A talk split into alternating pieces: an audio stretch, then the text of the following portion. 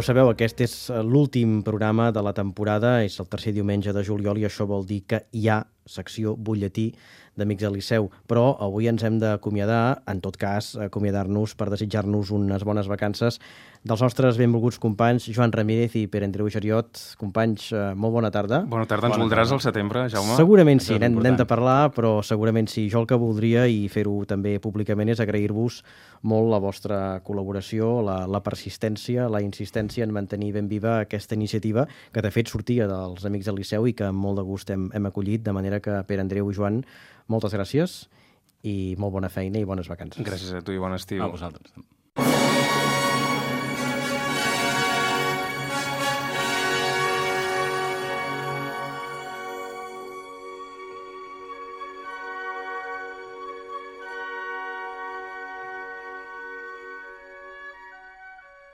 Amics del Liceu, en Joan Ramírez i Pere Andreu Geriot.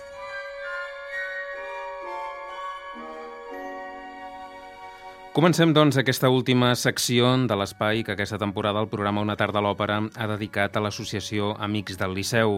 Joan, què farem avui? Doncs mira, avui sobretot parlarem de viatges. Som a l'estiu i és segurament l'època de l'any en què més viatges es fan. Hem parlat amb l'Aurora Guller, vocal de la Junta i una de les persones responsables d'Amic del Liceu, que s'encarrega de l'organització de viatges. Els viatges són, doncs, els protagonistes d'aquesta secció que comença just ara mateix. Els Amics del Liceu a una tarda a l'òpera.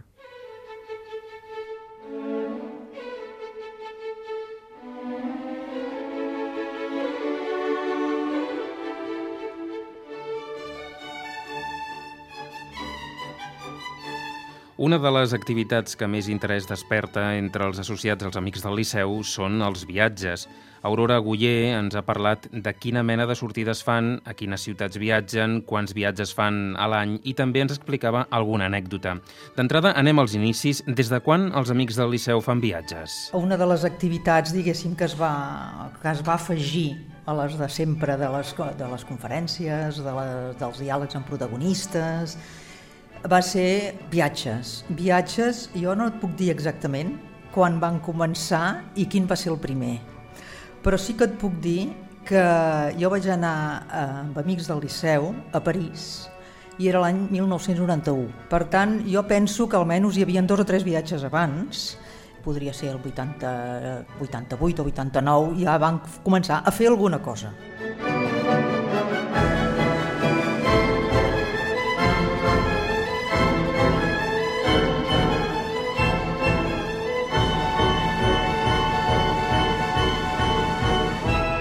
Ha canviat moltíssim, perquè era molt de tant en tant i bueno, teníem molts pocs mitjans per poder-ho organitzar i també molts pocs mitjans per, per conèixer què es feia fora d'aquí. Perquè ara amb l'internet de seguida tenim localitzades les coses, sobretot aquests quatre anys últims cap aquí, que jo ja m'ocupava del tema de viatges amb la Rosa Massaguer, entre ella i jo, i ella a més tenia un afegit en aquells moments, que eren els contactes amb els crítics, que ella ja ha tingut sempre amb Radigales o bé amb el, amb el Sester. O sigui que ella ja sabia de, de, de més, més coses que, que nosaltres, que el que ens deien a l'internet.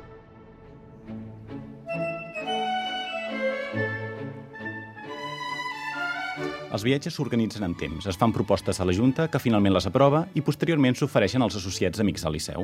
Sobre la marxa, perquè prenem sempre de les aparicions a, a internet, no? de, de quan pengen les noves temporades, que és el que ens hem trobat ara, per exemple, abans de programar tot el tema de la tardor, Ara ja ho tenim, diguéssim, tot el tema de la tardor, mm, hem fet les nostres propostes i a veure què sortirà, no? perquè hem d'anar per, les, per les entrades i totes aquestes coses, abans d'anunciar-ho d'una manera definitiva.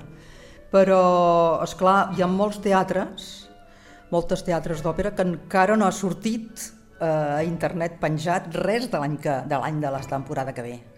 Per tant, eh, tot el que hem pogut treure fins ara, perquè voldríem anunciar-ho abans de començar l'estiu, doncs ja per nosaltres ja hem fet aquesta programació. Per tant, hem de comptar mig any abans ja el tema aquest de poder, de poder anar-ho preparant.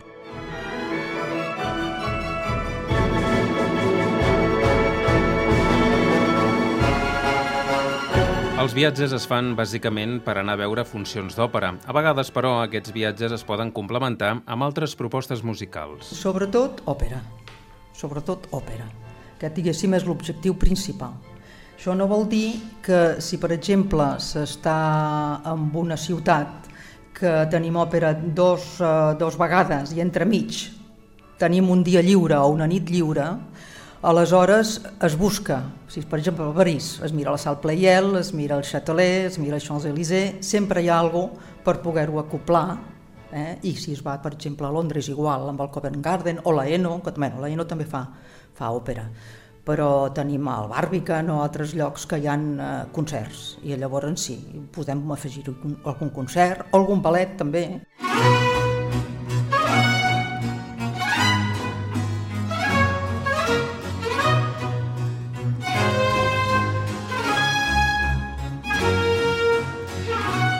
Aurora Guller ens comentava quants viatges fan durant l'any i quins eren els principals destins. En un any eh, calculem que fem com a mínim un, un al mes. Eh, el que passa que hi haurà un mes, eh, bueno, hi ha el mes d'agost que sí que en fem perquè anem a Salzburg, no? però potser hi ha algun mes que sol salta perquè, perquè no coincideix, perquè no ens va bé, no puguem acabar de coordinar, però en principi eh, fem això.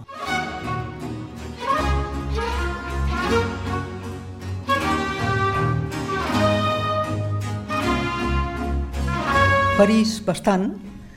Londres ara fa temps que no hi hem anat. Tenim un viatge proposat a veure si surt per aquesta tardor. Sempre està pendent, eh? no, no vull comprometre'm. Milà també, però Milà és dels d'última hora, dels que s'anuncien i ràpidament doncs, t'has de decidir perquè ja, ja l'avió ja se'n va. Bé, i aquest any hem tingut Berlín, que ha estat un èxit.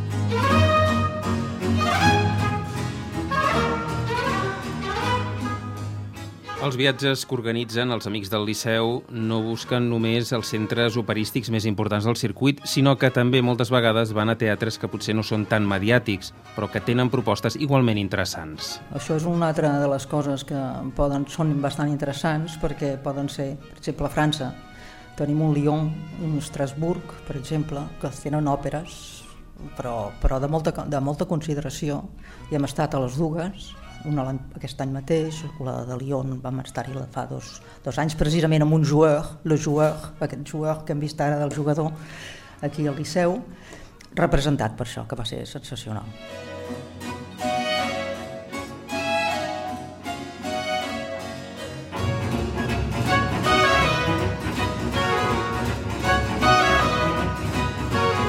I clar, amb la característica de que les òperes, els edificis de les òperes són la capsa és interessant també, no?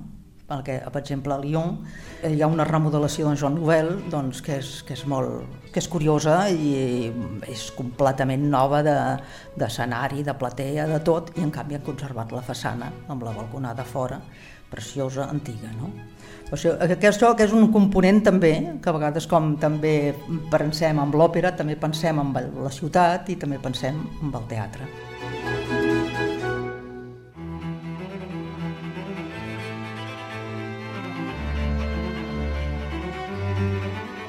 El fet d'anar a veure l'òpera no és el mateix en tots els teatres. Aquí moltes vegades tenim el, potser mal costum d'arribar pocs minuts abans que comenci l'espectacle. A Europa no sempre és així. No, no, allà s'agafa el temps. Parlem d'Alemanya, parlem de, de França, d'Anglaterra també, es agafa el temps eh, que faci falta, perquè a més allà tenen el temps que tenen a l'exterior. I es va, es va, per exemple, amb neu fins a mig genoll eh, a, a l'òpera t'has de canviar, has de posar les botes, t'has de canviar les botes en el seient, t'has de posar els estalonets, t'has de posar les sabatetes tranquil·lament, deixar els abrics, els agrada també eh, els costums aquests de sempre prendre's una mica d'aperitiu abans d'entrar, és, és, és diferent.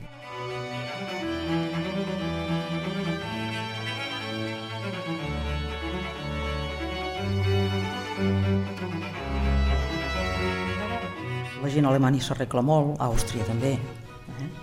L'òpera de Viena s'arreglen molt, van, van, molt, van mudats no, però van molt, molt austers, però molt elegants, no? És clar, és una festa.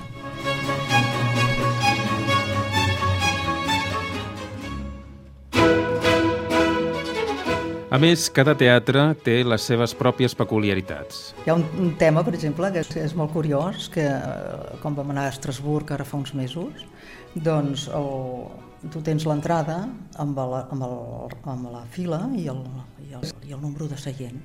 Doncs a fora, en el passadís, en tot el passadís de darrere la platea, hi ha uns penjadors amb la fila i el número de seient, i allà hi has de penjar-hi l'abric.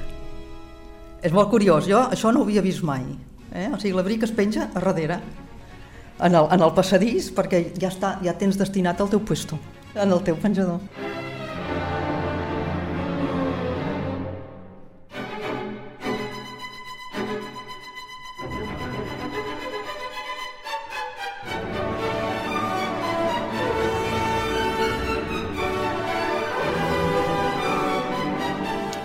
L'Aurora Guller ens donava algunes dades sobre les persones que s'apuntaven als viatges d'Amics del Liceu. Sí, hi va els, soci, els socis amb acompanyants.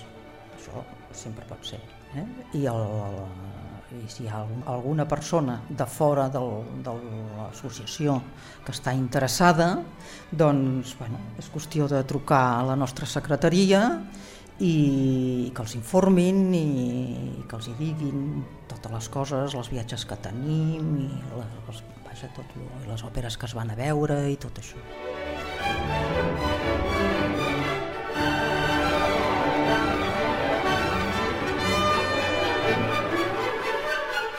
Generalment els viatgers són sempre els mateixos. El que passa que varia d'acord amb, el, amb el tipus de viatge. Si és llarg, si és curt, les òperes. No totes les òperes agraden a tothom. Nosaltres el que procurem també és que hi hagi una variació, que agafar tot el ventall del, de tots els estils de l'òpera, no? perquè mm, pensem també que els socis també n'hi ha molts que són curiosos de lo que no, no es veu normalment, no? però d'aquests n'hi ha pocs.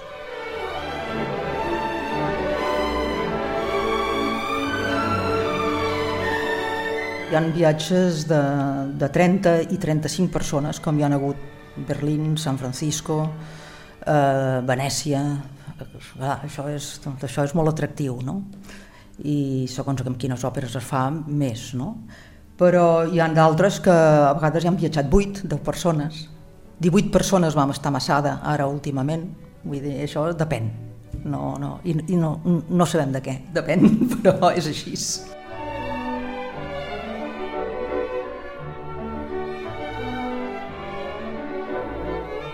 I sigui curt o sigui llarg, a cada viatge, els Amics del Liceu sempre procurem donar un dossier a tothom que viatja.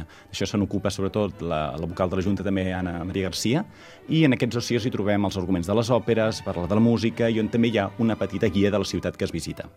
D'altra banda, alguns dels teatres que visitem a vegades tenen una deferència per rebre'ns. Jo recordo una vegada a Múnich, era un festival Verdi, l'any 2001, un gener del 2001, i ens van rebre, ens van rebre els responsables del teatre, i va haver-hi una deferència pels amics del Liceu.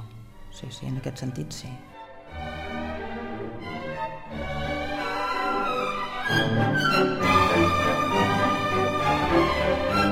A l'hora de fer les diferents propostes de viatge es mira de combinar produccions amb posades en escena modernes amb d'altres més clàssiques. Ho intentem. A Alemanya eh, és tot així, eh? vull dir, molt, eh? Tot o quasi tot, eh? A Berlín les, les posades no passen de, dels Wagners que van veure a Berlín, a part d'una que era molt antiga, les altres eren, bueno, molt fortes, molt, molt, molt, sí, sí. Ha altres teatres que no tant, clar. Altres teatres que, que podríem ser, per exemple, el Covent Garden, són més clàssics.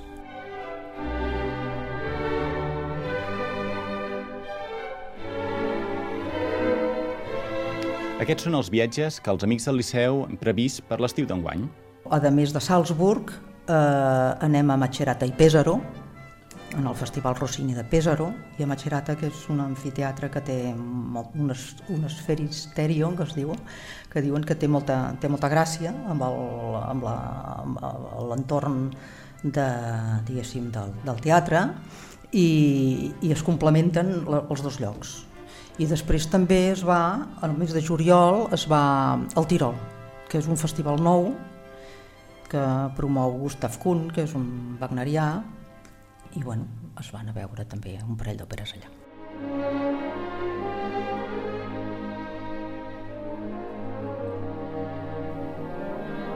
Finalment, Aurora Guillé ens destacava un fet que feia especials aquests viatges organitzats per amics del Liceu. El bon ambient que es fan aquests viatges. De no conèixer ningú, fas molts faltes moltes amistats i, i t'ajuntes amb persones amb els mateixos interessos que tu, el qual doncs, es fa uns viatges agradabilíssims. Eh? Això és molt important. Clar, tothom va al mateix objectiu, que és anar a veure òpera i a partir d'aquí els altres, ja, l'altre ja és cada un s'ho organitza com, com vol, no? Però si a més de, de poder anar a veure òpera trobes les persones per poder fer aquestes organitzacions d'anar a veure museus o d'anar a veure una obra de teatre o, o anar a fer una passejada concreta i, i, i comuniques i comuniques bé, doncs clar, el viatge és un èxit. Amics del Liceu, en Joan Ramírez i Pere Andreu Gerià.